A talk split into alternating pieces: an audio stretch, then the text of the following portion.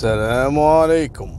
سمعتوا السالفة اللي قبل ثلاثة أيام عن شابين ألقوا بجثة سيدة عربية في مستشفى الفروانية متوفية وهربوا من الموقع.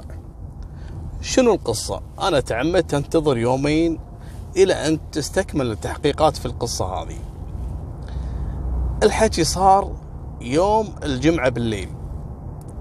في كبد استراحات كبد. كبد يعني.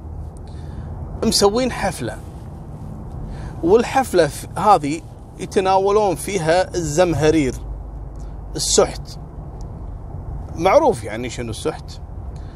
المهم طاحت عليهم هالبنية هذه. هذه بنية عمرها 39 سنة. سورية الجنسية. كل الصحف تكتب عربية عربية ما هم عارفين شنو قصتها. لأن كان مختلفين. هل هي لبنانية سورية؟ لا لا طلعت سورية عمرها 39 سنة. خلال الحفلة طاحت عليهم في الاستراحة. يوم شيكوا عليها وحاولوا يفحصونها ولا البنت فارقت الحياة. اللي مسوين الحفلة اثنين شباب بدون من غير محددي الجنسية. أعمارهم بالثلاثينات بالأربعين. المهم تورطوا بجثة هالبنت السورية. شو يسوون فيها؟ وين يودونها؟ شلون يكشفون الموضوع؟ شلون يبلغون عن الموضوع؟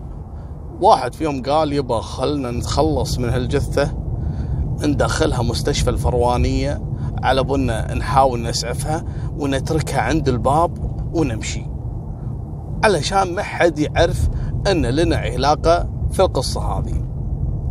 أخذوا البنت فعلا وطلعوا من استراحات منطقة كبد وكانت فعلا أقرب مستشفى لهم اللي هي مستشفى الفروانية. مالكم بالطويلة. وصلوا عند باب المستشفى. وقعدوا يعني دقائق يحاولون يعني يجيسون النبض لأن تعرفون مرات في المستشفيات يحطون رجال أمن عند الباب وكذا. لما تأكدوا أن ما في رجل أمن عند الباب قاموا ودخلوها على بن البنت مريضة. نادوا البورتر وطلبوا آه انه يجيبوا لهم السرير. فعلا جابوا لهم السرير عند باب السيارة على بنا يبي يسعفون وحده والطاقم الطبي يعتقد أن هذول هذه يعني تقرب لهم أو شيء يعني. حطوها على السرير. أول ما دخلوها الطاقم الطبي عشان يفحصونها الشباب على طول ركبوا سيارتهم وانحاشوا. الطاقم الطبي اكتشف إن البنت أصلا وصلت للمستشفى وهي ميتة. ما كان فيها أي روح. هني تم الاتصال على عمليات وحضروا وبدأت التحريات في القصة هذه. طلعوا كاميرات المستشفى اللي آه يعني التقطت صور الشباب الاثنين عند باب المستشفى لما دخلوا. وكذلك الكاميرات الخارجية اللي رصدت رقم لوحة السيارة اللي تم نقل الجثة فيها.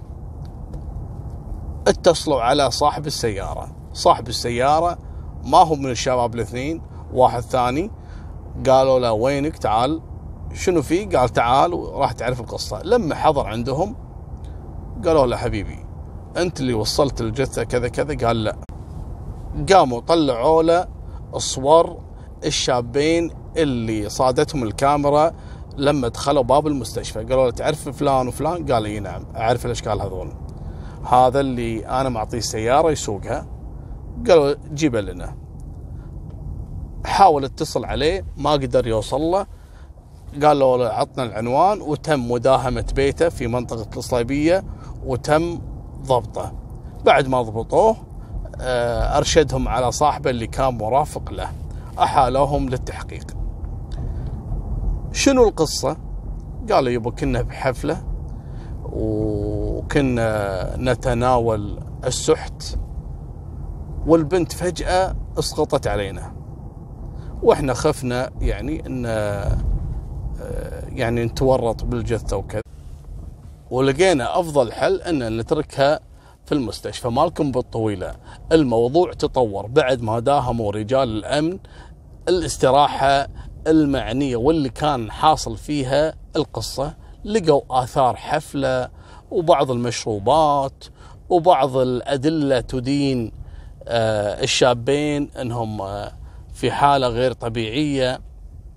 مالكم بالطويلة تم التحفظ على الشابين والمصيبة الثانية أن اكتشفوا أن الحفلة ما كان فيها فقط السورية وكذلك الشابين لا كان معاهم أشخاص ثانيين وجاري ضبطهم بعد التوصل آه، لبياناتهم خلال التحقيق. هذه نهاية سالفتنا. والله يكفينا شر هالناس هذه. وفمان الله مع السلامة.